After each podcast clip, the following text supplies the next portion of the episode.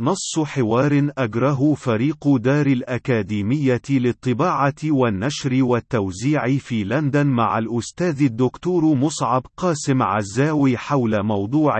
الإرهاب وجدلية التفاوت التلفيقي فريق دار الأكاديمية. هل ترى بأن هناك تلاوين مختلفة في الشكل والنوع والوظيفة للإرهاب كمفهوم في حيواتنا السياسية اليومية على المستوى العربي أو العالمي أو الإثنين معا؟ مصعب قاسم عزاوي الإرهاب بالمعنى العمومي هو استخدام الترويع والقهر والعنف وسيلة لتحقيق هدف إيديولوجي أو سياسي أو اجتماعي أو غيره مرتبط بمصلحة فئة على حساب أخرى،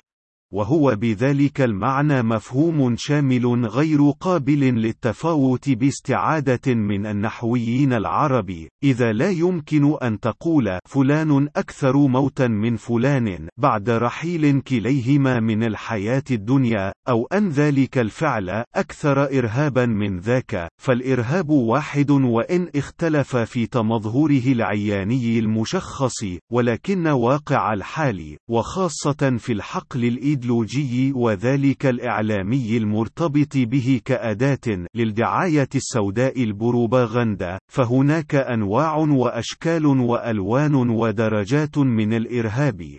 فهناك إرهاب منسي ساقط عبر ثقوب الذاكرة المثقوبة لنظم الهيمنة، كمثل ذلك الإرهاب الوحشي الذي قام به النازيون هادفين إلى تطهير القارة الأوروبية من الغجر الذين يسمون في أوروبا شعوب الروما والسندي أو ما يعرفون بالغجر الأوروبيين والتي ذهب ضحيتها أكثر من نصف مليون إنسان، وهي حقيقة منسية قد لا تجد ذكرا لها في القاموس السياسي الفكري الغربي، على الرغم من أن جريمة موازية لها في وحشيتها وبربريتها، مشخصة بالإبادة الجماعية ليهود القارة الأوروبية بطريقة لا تختلف في جوهرها عن تلك التي جرت بحق الغجر الأوروبيين، صارت نموذجا نمطيا ووصفيا للإرهاب. الإرهاب، قد لا يخلو خطاب سياسي أو إعلامي غربي من رثائه والتباكي حزنا وكمدا على تراجيديته، ودون أن تجد أثرا ولو مجهريا يشير إلى نفس التراجيديا التي كان ضحيتها مئات الآلاف من غجر أوروبا، فهم وفق الشروط الراهنة لموازين المصالح والقوى، يقعون في دائرة الضحايا من البشر الذين لا قيمة لهم والذين يستحق نسيان الإرهاب الواقع بحقهم جملة وتفصيلا.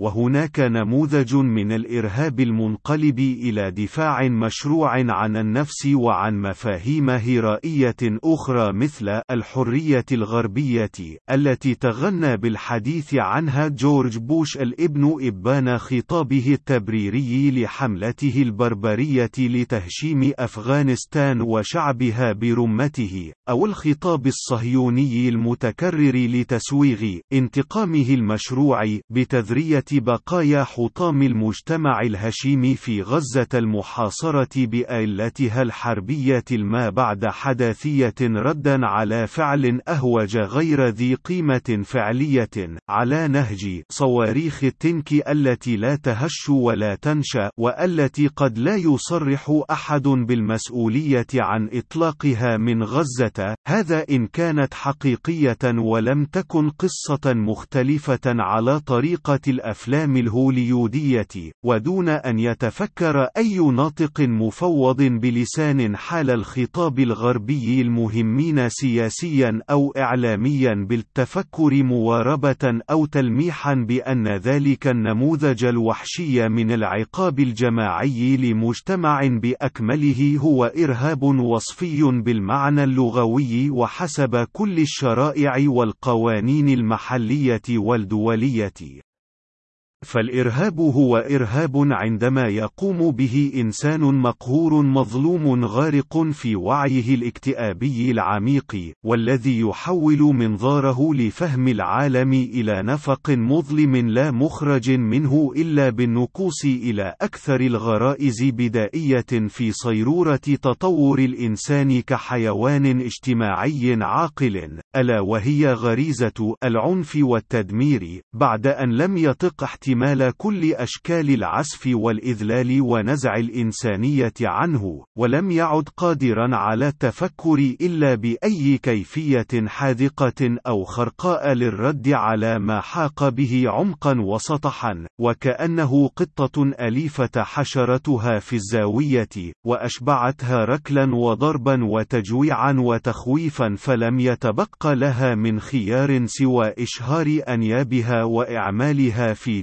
جلدك جزاء ما قمت بها تجاهها ظلما وعسفا، وحسب قاموس أسس توطيد هيمنة الأقوياء الأثرياء على المستضعفين المفقرين الذي يمثل الكتاب المقدس لوسائل الإعلام المتسيد فالإرهاب هو دفاع مشروع عن النفس و انتقام لا بد منه عندما يقوم به الأقوياء مهيمنون على مصادر السلطة والثروة والقوة على المستوى الكوني أو أي من وكلائهم المحليون القائمون بدور المفوضين السامين المخولين بإدارة مصالح سادتهم وأولياء أمرهم باستخدام طائراتهم وصواريخهم الدفاعية المشروعة التي لا بد أن تدافع عن أرض الأقوياء على أرض المستضعفين من خلال تهشيمها وتحويلها إلى حطام مجتمعي عميم بينما كل ما لا يقع في تلك الدائرة التصنيفية لأي من تلك الأهداف الاستراتيجية السرمدية التي لا يستقيم التقاؤها مع أي اعتبارات أخلاقية أو قانونية سوى ما يمكن الاتكاء عليه لتبرير كل الوسائل والمطايا الواجبة الركوب لإدراك تلك الغايات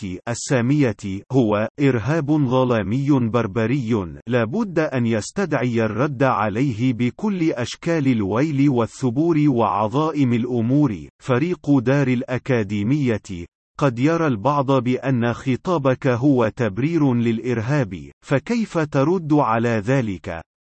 مصعب قاسم عزاوي. من الناحية المبدئية الثابتة التي لا تتغاير أبدا، فكل أشكال الإرهاب والعنف والإذلال والحض من إنسانية الإنسان مدانة بكل ما تستطيع اللغة استنباطه من مفردات لذلك، ولا تعتبر المطالبة بتسمية الأشياء بمسمياتها وكشف ستار الدعاية السوداء عنها تبريرا للإرهاب بأي شكل كان.